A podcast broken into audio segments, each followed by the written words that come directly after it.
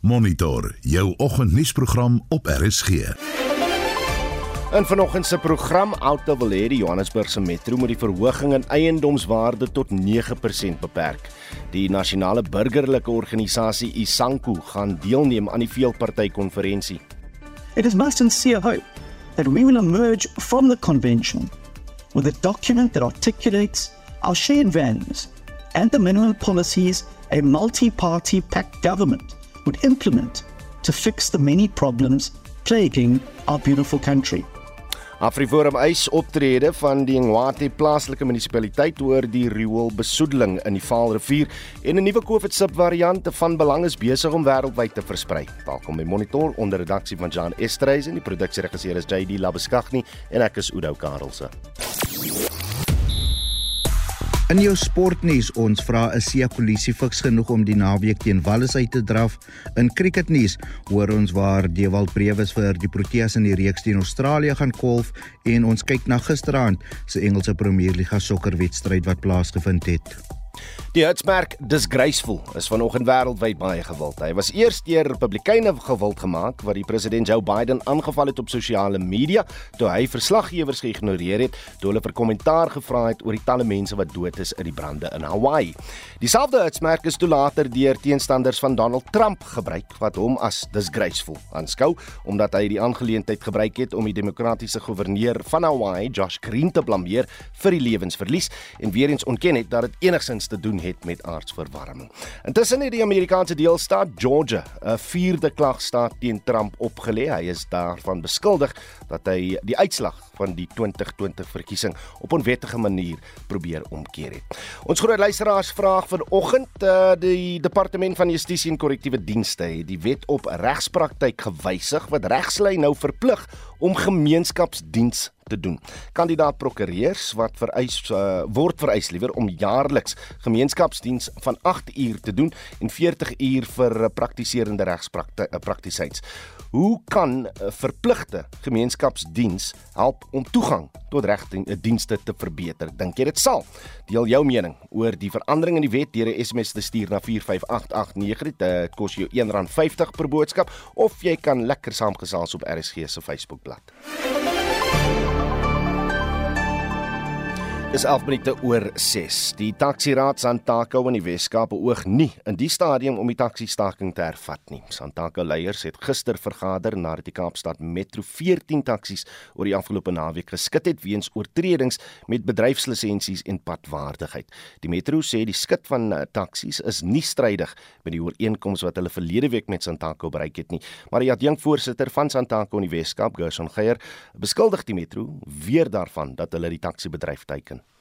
Ons het 'n ooreenkoms gehad met uh, die stad Kaapstad en met die uh, provinsiale regering uh, om die staking te beëindig donderdag en hulle sou net inpammings doen op drie uh, kondisies wat ons geagreed het op sonder operateurslisensie uh, opereer, 'n nie drivers license en 'n PDP het en dan vir onpadvaardige voertuie. So oor die naweek was daar weer impoundments Saterdag en van dit was nie volgens die drie wat ons oor geagreed het. Uh, ons voel dat regering nie in goed feit saam met ons optree nie. Dat uh, hulle sê iets en dan doen hulle iets anders. En die agreement een van die conditions dat ons nie die inligting van die agreement moet diskus met iemand voordat ons klaar is met die proses nie. Maar ons agreement was skaars koud toe sien my en J.P. Smith op social media om vir almal te sê dat uh, dis 'n dieselfde agreement van 8 dae terug wat 'n blaatante leen was. Dat dit is nie dieselfde agreement nie en dat hulle vir ons dat wat sleg lyk. Gershon Geier is die adjunkvoorsitter van Santaco in die Wes-Kaap. Die Kaapstad Metro en die Wes-Kaapse regering het gistermiddag 'n gesamentlike verklaring uitgereik waarin hulle gesê het dat dit belangrik is dat daar geen dubbelsinnigheid of verwarring is oor die ooreenkoms wat bereik is nie. Hulle het beamoen dat die wanvoorstelling van die inhoud 'n ernstige moontlikheid van geweld tussen die wetstoepassers en die taksi-bestuurders kan skep. Die burgemeesterskomitee lid vir stedelike mobiliteit, Rob Quintas, het die Santaco leierskap gevra om te verseker dat die taksi-bestuurders korrek ingelig word oor die inhoud van die ooreenkoms. Hy sê die gesamentlike doel van die regering en Santaco is om inwoners te beskerm en veilige vervoer te bied wat duidelik deel was van die ooreenkoms. Mitsi van der Merwe, SAK nuus. Sommige ekonome voorspel dat meer werksgeleenthede in die tweede kwartaal van die jaar geskep is. Statistiek Suid-Afrika sal later vandag die jongste kwartaallikse indiensnemingssyfers bekend maak. Suid-Afrika se werkloosheidskoers het in die eerste kwartaal tot 32,9% gestyg. Anne Marie Jansen van Vierenburg. Die besturende direkteur van Neo Encle Labour Solutions, Harry Rankapula, sê die Nasi Ispani werwingsprogram van die Gautengse premier, Panyaza Lesufi, het 8000 werksgeleenthede vir jong mense geskep, wat 'n stygings in werksgeleenthede in die tweede kwartaal kan meebring. The labor force participation rate, um, as a result of these new jobs that have been created recently, compared to the previous quarter, look, I'm truly leaning towards uh, 0.5 to 0.9 in percentage growth of new created jobs as compared to the previous uh, quarter. Die hoofekonoom van Antwisa Advisory, Miyelane Mkabela, verwag ook 'n toename in indiensneming. Even if the numbers they don't really probably show maybe a direct 1% increment in jobs, but I still believe that we are going to see an improvement in registering some employment. It can be uh, a 0.5%, it can be 0.6%, but there might be a good number that is better to the last employment statistics. Kusatu se parlementêre koördineerder, Matthew Parks, sê die vakbond federasie is bekommerd oor die hoë werkloosheidssyfer onder jong mense weens ekonomiese wisselvalligheid in die land. COSATU is fearful of the quarterly labour report that is due out next week on the unemployment figures. We already have an unemployment rate of 42.6% and an unemployment rate for young people of over 60%.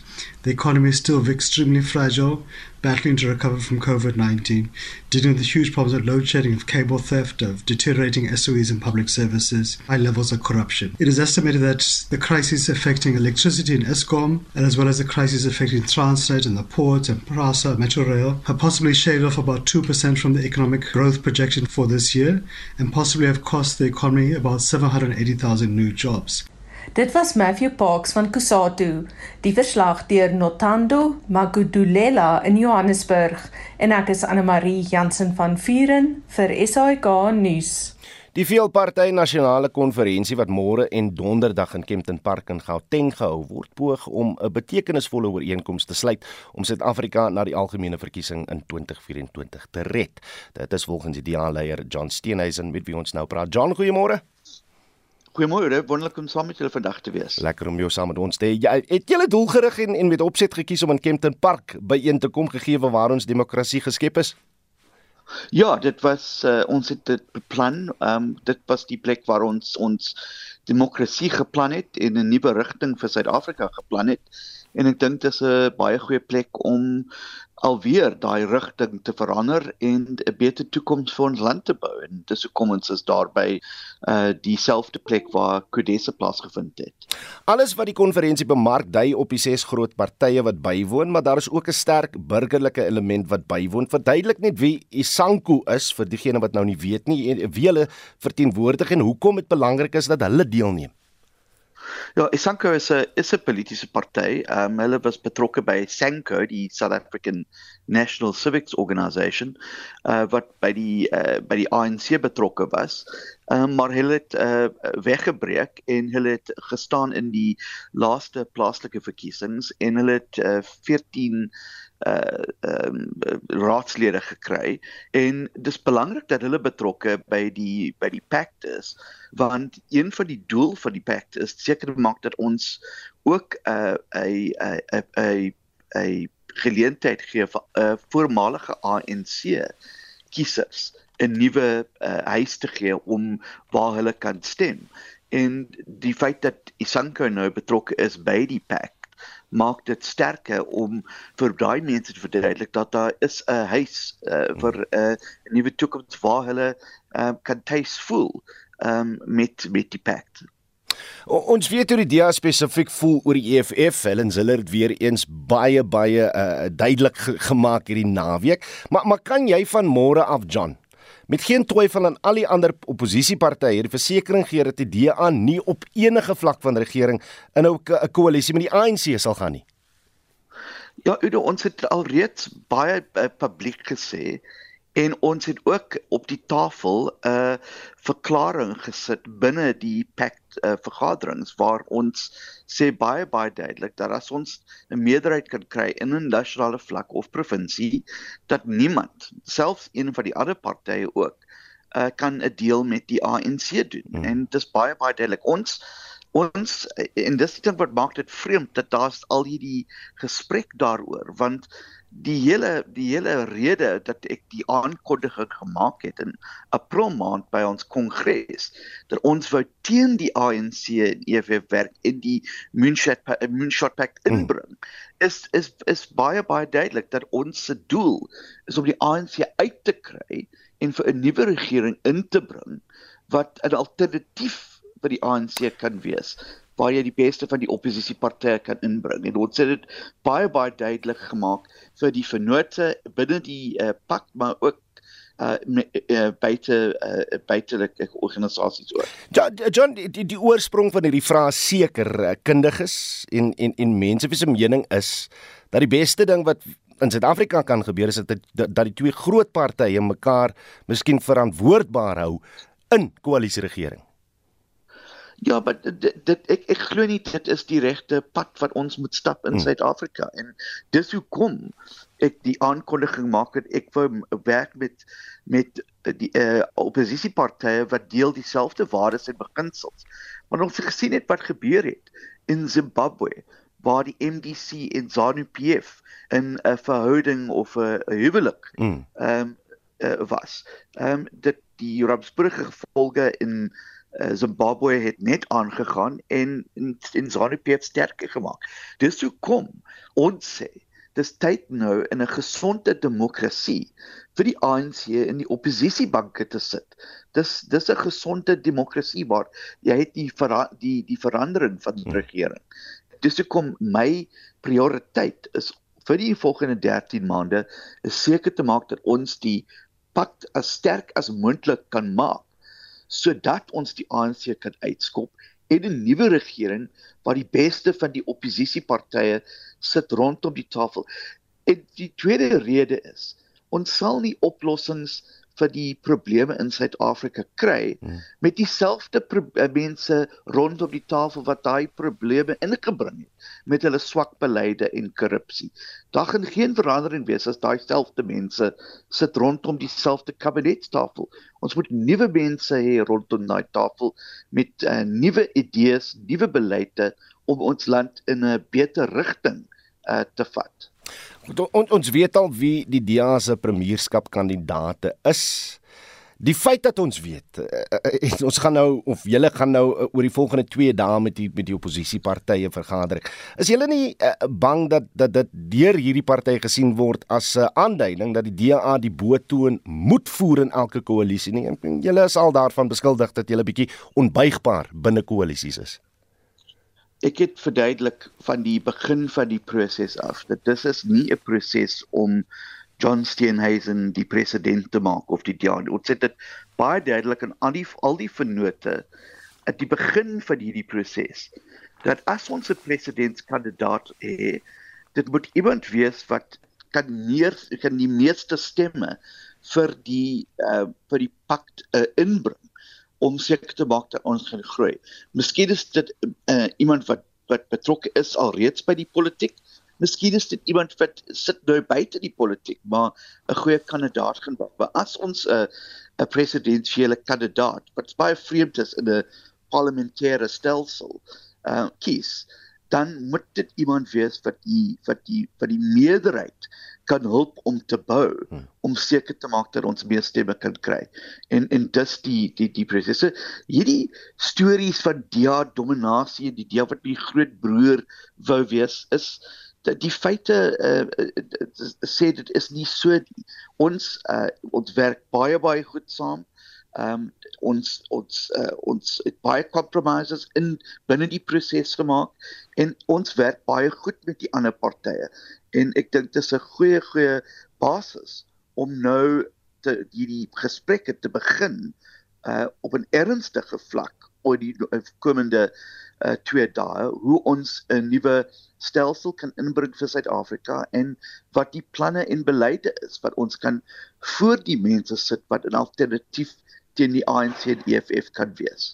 Die leier, John Steenhuisen, dankie vir u tyd hier op monitor. Die Wêreldgesondheidsorganisasie sê daar is 'n nuwe subvariant van COVID bekend as EG.5 of uh, nie amptelik Eris.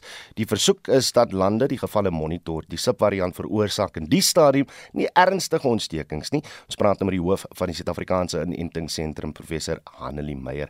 Uh, prof, goeiemôre. Goeiemôre Oudo. Wat weet ons van Eris en, en in watter lande versprei hierdie variant tans? Jongs, soos jy genoem het, dit is 'n subvariant um, wat gekoppel is aan die Omicron subvariant wat soos ons dit ken as XBB. Hmm. So dis nie 'n nuwe variant nie en dit is inderdaad nie die offisiële naam Eris nie. Hmm. So dis deur 'n wetenskaplike die bynaam gegee en verwys na die Griekse godin van twis en oneenigheid. So inderdaad verlede week hierdie hierdie wêreldgesondheidsorganisasie ehm um, nadat hulle gesien het dat daar 'n toename was, 'n skerp toename in gevalle, het hulle dit toe nou geklassifiseer as 'n variant van belang. En ehm um, teen verlede week was dit in meer as 51 lande opgespoor, veral Asië, Noord-Amerika, Australië, die Verenigde Koninkryk, Japan, Korea, ehm um, Kanada, ja. Spanje, Skotland, en Noord-Ierland en so aan. So dit is al redelik, jy weet, baie oor baie lande versprei, maar weet ons moet onthou dat streeksverskille in terme van toesig hmm. ehm um, verskil. So en en dit maak dit ook moeilik vir die wêreldgesondheidsorganisasie om te bepaal wanneer is dit nou 'n variant van ehm um, jy weet waarna hulle nou moet kyk wat gemoniteer moet word. So is omdat mense nie meer, jy weet lande nie meer so goed rapporteer soos hmm. vroeër in die pandemie nie. Ja. Ek het nou net gewonder, ons is nou deur 'n winter met griep en koors wat ons kinders veral in sy greep gehad het, maar die vlak van toets vir COVID soos wat dit slegs miskien net 'n jaar en 'n half terug nog was, het heeltemal afgeneem. Moet die moet die protokol vir toetse nou weer eens verander as gevolg van hierdie subvariant? Weet jy, ja, mense toets nie meer so dikwels nie. So hulle kyk ook na, jy weet, hulle moniteer wat gebeur in ons afvalwater en so aan. So dis ook waar hulle dit optel. Maar jy weet op hierdie stadium omdat hierdie variant um op die oomblik veroorsaak dit nie meer ernstige siekte nie. Dit lyk wel of dit meer versprei. Hmm maar daar's nog nie aanduidings dat dit weet baie ernstiger gevalle veroorsaak nie weet oor die wêreld is daar dit lyk of daar 'n toename in hospitalisasie is weet uh, onder bejaardes Um, maar jy weet dit is baie moeilik om op hierdie stadium te sê en en baie meer navorsing is nodig. En ons het ook soos in Suid-Afrika en in baie ander lande het ons ook 'n mate van kudde-immuniteit, jy hmm. weet. So al ehm um, al al kan jy nog steeds die infeksie kry, ons het daai daai T-sel immuniteit wat jou beskerm teen ehm um, erge siekte. Maar ehm um, jy weet mense wat wat wat uh, teen 'n hoë risiko en wat 'n hoë risiko het, weet mense wat onderliggende siektes het of bejaardes, mense oor 65 en so aan. Hulle moet seker maak dat hulle wel ingeënt is. So as jy in die laaste 6 maande nie jou ehm um, booster gehad het nie, is dit regtig ehm um, uh, word dit aanbeveel dat jy jou jou booster gaan kry. Professor Hanlie Meyer is die hoof van die Suid-Afrikaanse Inentingsentrum. Wêreldnuus. Es die sluit nou by ons aan en ons begin is die by nuus wat in die FSA oorheers. Die voormalige president Donald Trump is saam met 18 ander beskuldigdes in Georgia Atlanta aangekla dat hulle probeer het om die 2020 verkiesingsuitslag omver te werp in die deelstaat. Ja, Udo, die media in Georgia het sedert 5uur vanoggend, 11uur in die aand vir die FSA gewag dat die federale staatsaanklaer in Georgia, Fannie Willis, oor die aanklagte teen Trump en sy mede-beskuldigdes moet praat. Nou daar's altesaam 41 aanklagte, maar nie al die beskuldigdes staan op al hierdie aanklagte reg nie. Trump word aangekla op 13. Die BBC het dit so opgesom. Violation of the Georgia RICO Act, solicitation of violation of oath by public officer, conspiracy to commit impersonating a public officer, conspiracy to commit forgery in the first degree, conspiracy to commit false statements and writings, conspiracy to commit filing false documents, conspiracy to commit forgery in the first degree, conspiracy to commit false statements and writings, filing false documents, solicitation of violation of oath by public officer, false statements and writings, solicitation of violation of oath by public officer, another charge there, and false statements and writings. So, quite a, a heavy list of charges there against the former president. En dit dan die aanklagte waarop Trump reg sal staan. Nou van sy 18 mede-beskuldigdes sluit in Trump se prokureur Rudy Giuliani, die voormalige Withuis personeelhoof Mark Meadows, die voormalige Withuis prokureur John Eastman en 'n voormalige beampte van die Departement van Justisie Jeffrey Clark. Willis het die ondersoek teen Trump reeds in Februarie 2021 begin na beweringe dat Trump en ander mense moontlik by die verkiesingsuitslae ingemeng het. Hier is advokaat Willis. Every individual charged in the indictment is charged with one count of violating Georgia's Racketeer Influenced and Corrupt Organizations Act through participation in a criminal enterprise in Fulton County, Georgia, and elsewhere to accomplish the illegal goal of allowing Donald J. Trump to seize the presidential term of office beginning on January 20th, 21. Specifically, the participants in association took various actions in Georgia and elsewhere to block the counting of the votes of the presidential electors who were certified as the winners of Georgia's 2020 general election. Nou hulle sê die beweerde dade is in Georgia gepleeg en ander buite die jurisdiksie van Georgia, maar dis by die klasstaat ingesluit omdat dit verband hou met die poging om die verkiesingsuitslae omver te probeer werp. Die BBC se korrespondent in Noord-Amerika, Anthony Zurcher, beweeg uh, in op hierdie aanklagte en die erns daarvan. All of these are individual crimes, but they package it all up in this racketeering law, which allows uh, prosecutors to increase the severity of the crime by packaging everything together. And I think the Georgia racketeering law comes up with a maximum criminal sentence of 20 years in prison. So these are very serious charges, and it's going to be a very big case, not against just Donald Trump, but against a lot of his closest confidants. And that's something we hadn't seen up until now. En dit was die BBC se korrespondent Anthony Zurker.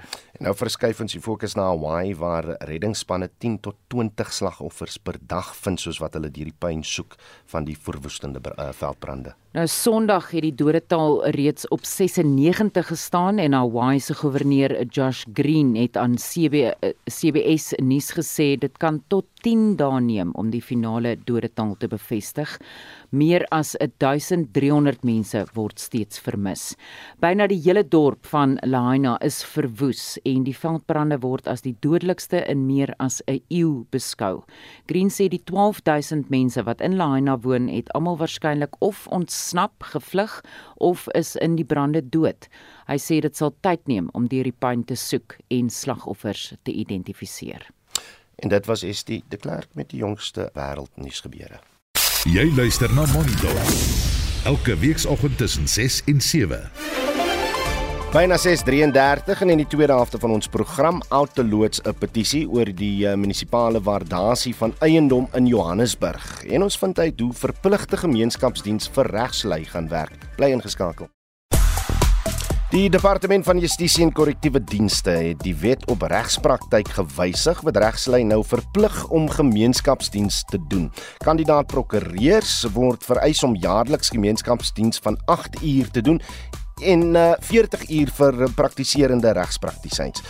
Nou wil ons weet, hoe kan verpligte gemeenskapsdiens help om toegang tot regsdienste te verbeter? Op Facebook sê uh Kobus Jacobs, hierdie is maar net nog 'n bewys dat die ANC ons totaal wil beheer. Dis kommunisties, beslis, sê Kobus. Um Linkie Avenant sê soos ons gesondheidswerkers al jare lank moet doen, elke professie moet sommer 'n gemeenskapsjaar doen, begin by die uh politikuste, sê Linkie Avenant Ferdinand. En dan sê uh, Jean Smith en hy vra ek verstaan nie die vraag 100% nie. Is die be uh, bedoeling dat hulle gratis uh, in gemeenskappe diens moet lewer as 'n regsfirma? Maar luister, ons praat binnekort met 'n kenner hieroor, maar wat is jou mening? Kan dit iets positiefs teweegbring dat uh ons regslyn nou verplig word om gemeenskapsdiens te doen. Julle SMS se deur na 45889 dit kos jou R1.50 per boodskap of jy kan lekker saam praat op RSG se Facebookblad. Jody Hendricks sluit net wat aan vir die jongste sportnuus môre Jody. Goeiemôre Oudo. Die Springbok span wat Saterdag in 'n Wêreldbeker opwarmingswedstryd teen Wallis speel word vandag bekend gemaak. Uh, Jody, wie verwag jy in die wedstryd? Wel, een of ander tyd sal die Springbok kaptein Sia Kolisi sekere wedstryd voor die Wêreldbeker moet speel. Oudo, so ek verwag dat hy moontlik aan die nie in die begin 15 sal wees nie in die wedstryd 23 beslis om 'n bietjie speeltyd voor die toernooi te kry. Dan uh, Grant Williams en Jaden Hendricks sal moontlik as die skramskakels diens doen. Manuel Bok, hy sal op op loskakel moet speelkans kry omdat hy die enigste gevestigde loskakel in die groep is en dan ook 'n moontlike vleuelpaar van die Parel met Kane Moody en Kurtley Arendse wat kan begin en dan dink ek ook die reserve spelers wat saamgeneem is Joseph Dweba, Thomas de Toey en Jean-Luc Dupré gaan almal ingesluit word om beserings in die bokgroep te verminder. Nou, as hy nou 'n probleem op loskakel is nie uitsluitlik 'n Suid-Afrikaanse probleem nie, né? Nee? Ja, die ervare Roman Intemak het die naweek teen Skotland 'n besering opgedoen en gaan vir 6 maande op die kantlyn wees en hy is natuurlik die Franse se nommer 1 loskakel vir die Wêreldbeker en ek het met die Franse skopafrigter Froksel J gepraat en vir hom gevra wat beteken die besering vir die span. Ja, dit is nie die beste nuus wat 'n mens op 'n maandagooggend wil ontvang oor Ramon Temek se se besering en dat hy 6 maande plus gaan uitwees en dan sodoende ook dan die Wêreldbeker gaan mis. Ek voel altyd hartseer en jammer vir spelers wat vir 4 jaar saam met jou kom en iets bou uh, vir die Wêreldbeker. Hy's ook een van ons leiers. Maar ehm um, rugby se kontaksport Jody en ehm um, beserings sal altyd daar wees en en beserings altyd deel wees van dit en dis hoekom dit uitdagings is. So ons nog steeds positief en gelukkig ons het genoeg diepte en ons het ekstra spelers wat nog steeds in die groep is wat in die laaste 4 jaar vir ons gespeel het soos Matthew Jelliber en Anton Hastoy en dan kan Thomas Ramos dan ook op loskakel inslot as ons dit moet doen wat al vir Toulouse ook baie loskakel gespeel het. Ja, so ons het genoeg diepte. Maar ja, ons voel altyd jammer vir 'n speler sy wêreldbeker gaan mis in sy eie land en hy is 'n groot speler vir ons. Dis lieflik om te sien ons Suid-Afrikaners is ook maar oral in die sportwêreld betrokke, jong. In die Engelse Premier Liga was Manchester United in aksie. Hulle het goed gevaar, maar ook maar net net Jody. Ja, in hul eerste wedstryd van die 2023-2024 seisoen het hulle teen Wolves te staan gekom in die eerste helfte het hulle 'n bietjie gesukkel en dit was veral Wolves wat goeie sokker gelewer het en uh, daar was geen doel in die eerste helfte nie so die rustig hulle dan 0-0 maar in die tweede helfte het Rafael Varane die wendoel vir die Rooi Duivels gekry om 'n 3 punte vir sy span te verseker en hulle het nou 'n sege na hul eerste wedstryd van die nuwe seisoen. En na gister weet ons wie uh, vir die Proteas gaan speel in die uh, T20 en eendag uh, uh, uh, wedstryde, die reeks wat nou opkom teen Australië. Ja, die reeks wat op 30 Augustus begin is oor op Walters, die witbal afrigter van die Proteas, het gister sy spanne vir die toernooi teen Australië bekend gemaak. Nou verskeie ervare spelers soos Themba Bavuma terug in die T20 groep, maar dit was die naam van die jong Dewald Brewes wat uiteindelik sy kans op internasionale vlak kan kry. En Walter sê Brewes gaan in die middelorde vir die Proteas in die reeks oorweeg word. It's obviously great to have uh, Dewald in the squads. He performed well in Sri Lanka. He's performed well domestically. He's obviously been involved in a number of leagues uh, internationally. So uh, nice to be able to give him an opportunity. As I said, he's one of our up and coming youngsters. So we said we wanted to just broaden our base a little bit, and this uh, Aussie series has been a perfect opportunity to give him a run. For us, for now, he's going to be in the middle order. So certainly we've identified him as someone who would like to develop his finishing skills. He plays spin very well. Those guys who bat in that position, we know they're going to be exposed to the team's best spinners, and then. You know, we also wanted to add a little bit of firepower to the death uh, phase of our batting, so we, you know, we see him filling that role. En dit dan die uh, witbal afrigter van die Proteas Rob Walter en uh, Jody Hendricks het daar vir ons uh, die sportverslag gebring. Die man wat die voormalige presidentsvrou van Suid-Afrika, Marike de Klerk, vermoor het, gaan later die maand op parol vrygelaat word. Eh, Luyanda Boniswa het 20 jaar van sy lewenslange tronkstraf uitgedien. Hy het in 2001 by de Klerk se woonstel by Dolphin Beach in Tableview ingebreek en haar daar vermoor. Boniswa was 'n veiligheidswag by die kompleks. Die woordvoerder vir die departement van korrektiewe dienste, Singabako Ngomalo, sê Boniswa het die minimum aanhoudingstydperk uitgedien om 'n aanmerking vir parol te kom. He will be assigned a monitoring official to render supervision duties. And some of his parole conditions are that he has to be restricted to his magisterial district and is not allowed to have contact with the family of the victim. What needs to be emphasized is that parole placement forms part of the total rehabilitation program, whereby additional programs could still be rendered when a parolee is in the system of community corrections. Dit dan sing Abakong Momalo en hy is die woordvoerder vir die departement van korrektiewe dienste. Die departement van justisie en korrektiewe dienste het wysigings aan die regulasies van die wet op regspraktyk in die staatskoerant gepubliseer. Dit bepaal dat kandidaat-prokureurs en praktiserende regspraktisyns verpligte gemeenskapsdiens in die regsprofessie moet doen. Ons praat nou daaroor met die strafregkenner Louwelen Kaloos. Louwelen, goeiemôre. Goeiemôre Oudo. Uh, mense probeer nou vanoggend, ek sien op Facebook, verstaan net presies wat dit gaan beteken vir die wat opgelei is in in uh, uh, die regspraktyk. Ja, ons het twee kategorieë natuurlik kandidaat regspraktisyns en praktiserende regspraktisyns en beide van hierdie persone moet nou in terme van die wysigings op die regulasies uh verpligte gemeenskapsdiens doen jaarliks en in die geval van kandidaat regspraktisyns natuurlik voordat hulle hulle sogenaamde uh uh, uh leerklerkskap uh tye voltooi het in die geval van prokureurs en dan dieselfde natuurlik vir advokate. Hmm.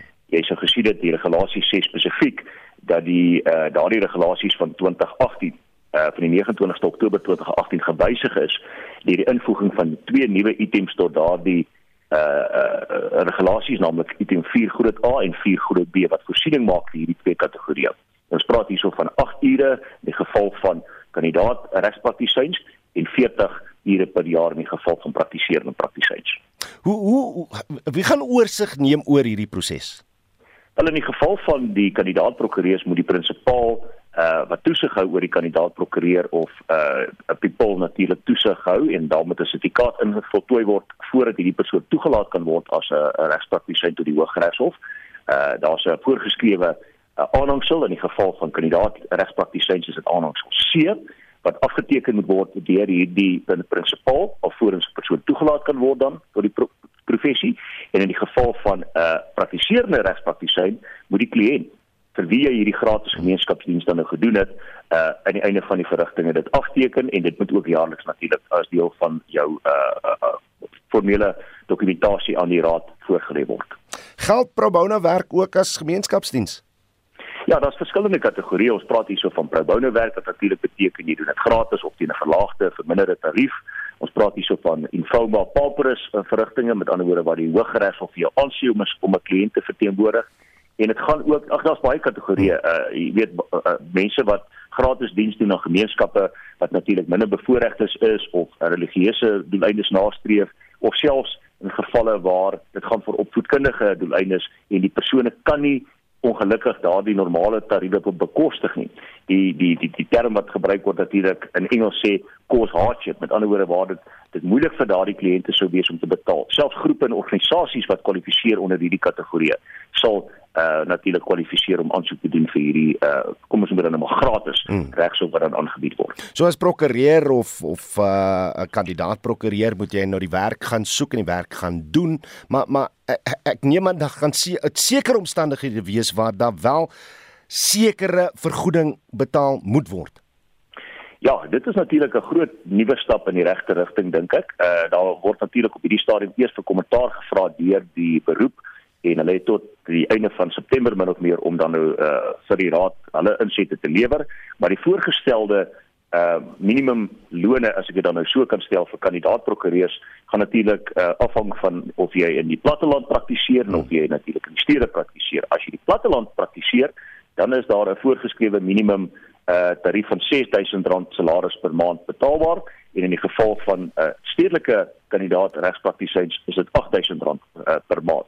In die geval van Pipille is daar ook weer twee kategorieë waar senior advokate betrokke is, dan uh, word daar gesê die persone moet probeer om R8400 of R700 uh, R8700 uh, R400 per per jaar, hmm. alternatiefelik R700 per maand tot 'n fonds by te dra. En uit daardie fonds gaan die kandidaat advokate dan natuurlik vergoed word. Want onthou, in die geval van advokate sit ons met die unieke situasie dat hulle nie regtig onder 'n dienskontrak staan tot die advokaat nie. Met ander woorde dan 'n fonds geskep word en uit daardie fonds moet vergoeding dan natuurlik betaal word. Hmm. Waar dit uh, junior advokate betref, met ander woorde mense 10 jaar en minder ondervinding, dan is die voorgeskrewe bydrae tot hierdie fonds uh R4800 per jaar of R400 per maand. So daar is definitief kategorieë wat wat van toepassing is, maar alles uh, in ag genome, uh jy weet, moet 'n mens versigtig wees want twee twee praktyke, die een in die platteland en die een in die stad kan sekerlik tog nie dieselfde tarief betaal nie want daar's 'n groot verskil in die uitgawes wat wat praktyke en firmas het in hierdie onderskeie gebiede. Noel Nkaloos is 'n strafregkenner. Dankie vir jou tyd op Monitor. Die Afriforum tak in Parys in die Vrystaat het 'n dringende skrywe aan die waarnemende munisipale bestuurder van Jongwate Mil, 'n plaaslike munisipaliteit, te Bogomanele gestuur waarin die tak eis uh, dat daar dringend opgetree moet word om die rioolbesoedeling stop te sit. Die riool besoedel die Vaalrivier wat Parys se primêre waterbron is, asook die vlei land en dorp. Ons praat nou met 'n distrikskoördineerder in die Mooi Rivierstreek Alta Pretoria. Alta, goeiemôre. Goeiemôre Oudo, goeiemôre aan die luisteraars. Hierdie besoedeling, hoe lank vind dit nou al reeds plaas en hoe erg is dit tans? Uh Oudo, dis definitief al meer as 'n jaar, maar ek ek wil amper sê dit is al langer as de, as 'n jaar. En uh dis baie erg. Daar's verskeie plekke waar die riool direk in die Vaalrivier loop en ook waar dit in 'n vlei land inloop en wat aan die Vaalrivier grens waar dit ook uiteindelik in die rivier beland. Die gevare wat dit inhou vir inwoners daar, wat hoe erg is dit? Ja, daar's natuurlik gesondheidsgevaar.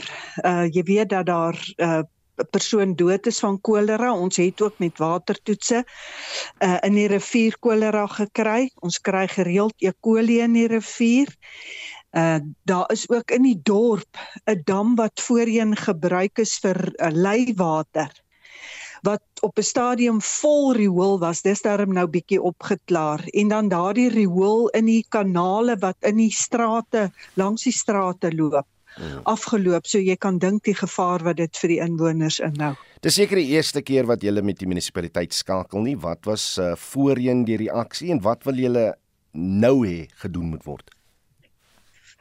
Ons het hulle nou uh, gegee tot Vrydag om iets daadwerkliks te doen. Kyk, die probleem sal nie teen Vrydag opgelos mm, mm. kan wees nie, maar ons wil sien dat daar 'n poging aangewend word, 'n plan kry en dan ook sien dat hulle uh daad by die woord voeg. O ja, ons het al baie met hulle daaroor gepraat. Ons stuur gereeld vir hulle die fotos aan.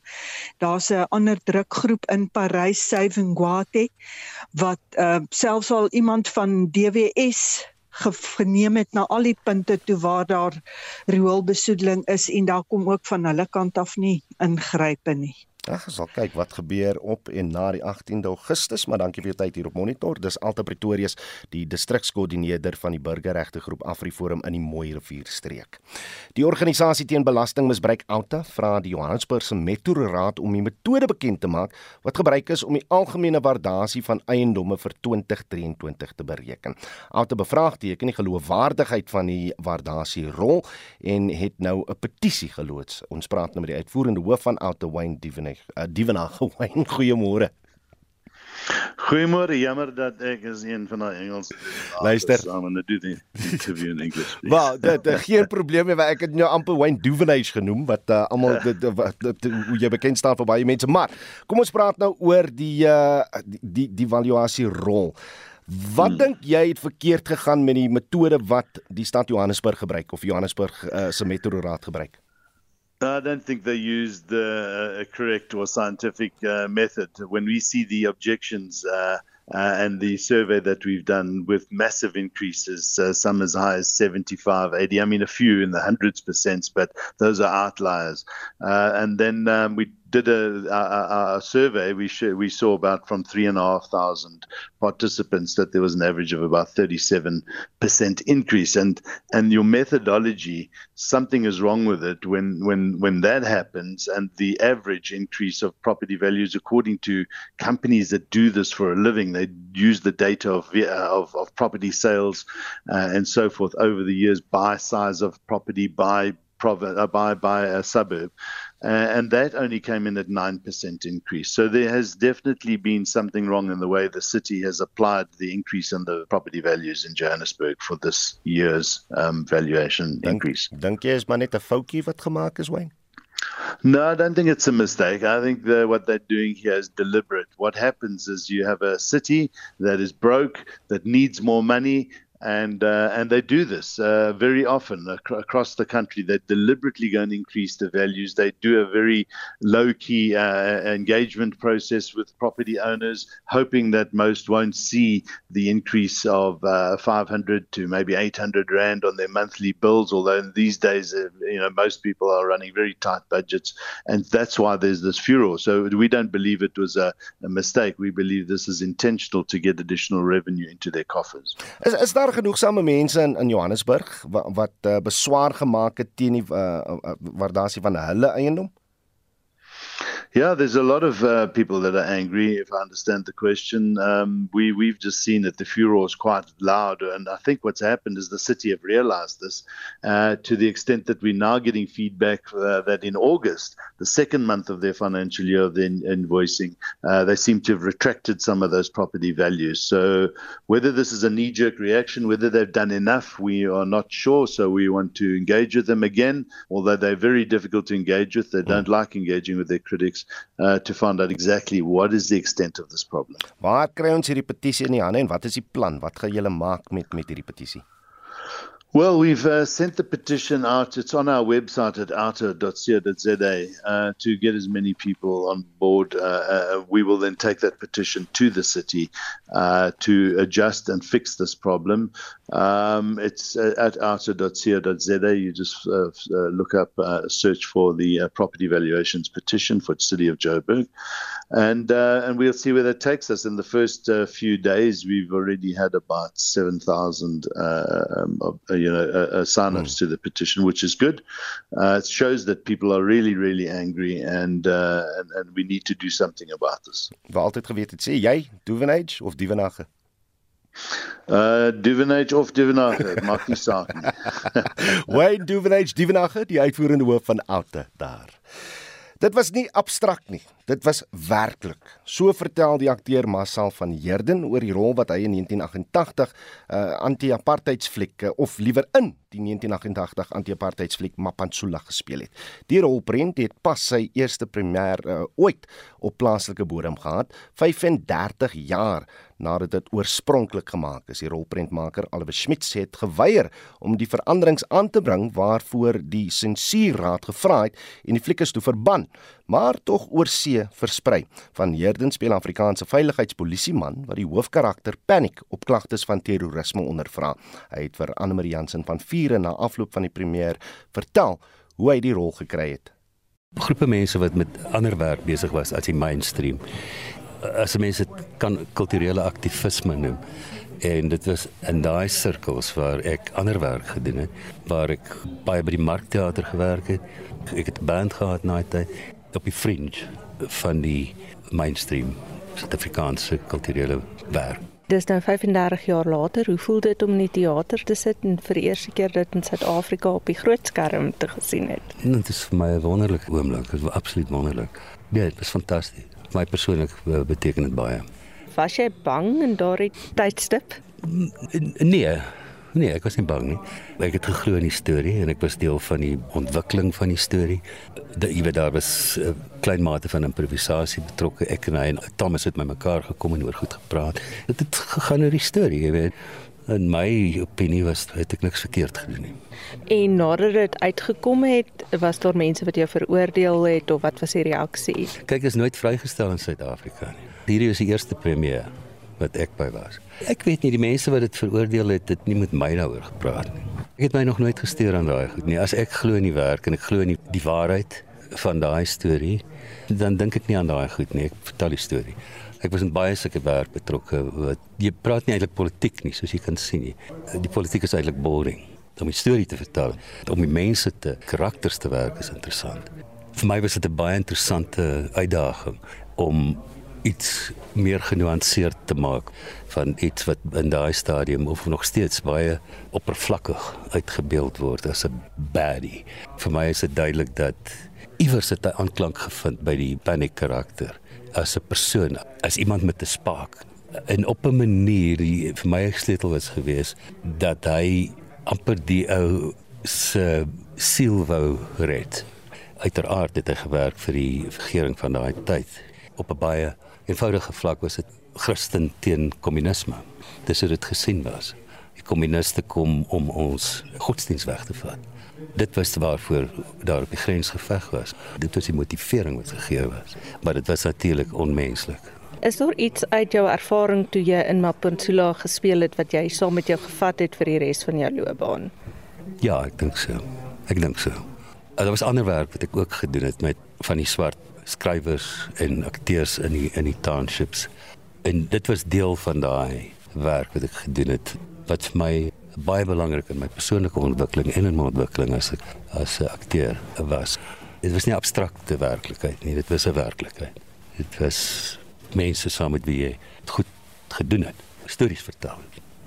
Ja, ek kan dit nie anders stel, dit was nie nie abstrakt nie, dit was werklik. En dit was Marcel van Heerden wat die rol van 'n veiligheidspolisieman in die anti-apartheidsrol Brent Mapantsula vertolk en hy daar 'n vertolk en hy daar met Anne Marie Jansen van Vuren gepraat. Alan Skinner het nou vanoggend verduidelik hoe 'n uh, verpligte gemeenskapsdiens vir regs vir die regslei sal werk en ons wil weet kan verpligte gemeenskapsdiens help om toegang tot regsdienste te verbeter. Letitia Knoets sê op Facebook dit maak inbreuk op my reg om my tyd te gebruik soos ek wil en is net 'n ander vorm van belasting. Dit kom neer op bykans 2 weke se werk wat mens kan omtrent maksimum 5 ure per dag uitboek. Die res gaan reeds vir administrasie en ander nakomingsverpligtinge. Boonop werk baie prokureurs uit goedhartigheid teen verminderde tariewe vir arme mense. Die proses om verlof te kry dat 'n spesifieke geval geag word om te kwalifiseer as pro bono werk is nog red tape, sê uh, Letitia algeheel gekant daarteen. Uh Piet Becker sê my ervaring met prokureurs en landroste is dat hulle die reg navolg volgens wat hulle verstaan en nie wat die reg regtig bedoel om mense te beskerm nie. So om mense wat geen ondervinding te hê om te, te dwing om mense te help wat nie geld het nie vir hul regshulp, gaan net meer mense wat heel waarskynlik vrouens gaan wees wat hul hulp soek teen tuistering van geen hulp wees nie. Hoe voel jy? Wat dink jy?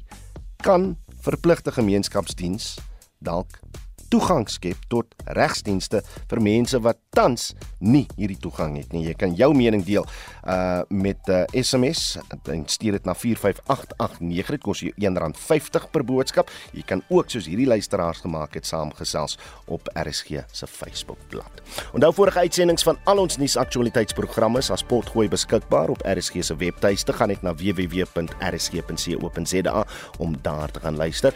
Uh vanmiddag natuurlik 'n spektrum tussen 12 12 en 1 uh, nog niks aktualiteit daar asook brandpunt omstreeks kwart voor 6 vanmiddag. Ons groet namens ons uitvoerende regisseur Nicoline de Wet, die redakteur vanoggend Jean Estreisen, ons produksieregisseur JD Labuskaghni en ek is Udo Karlse. Totsiens. thank you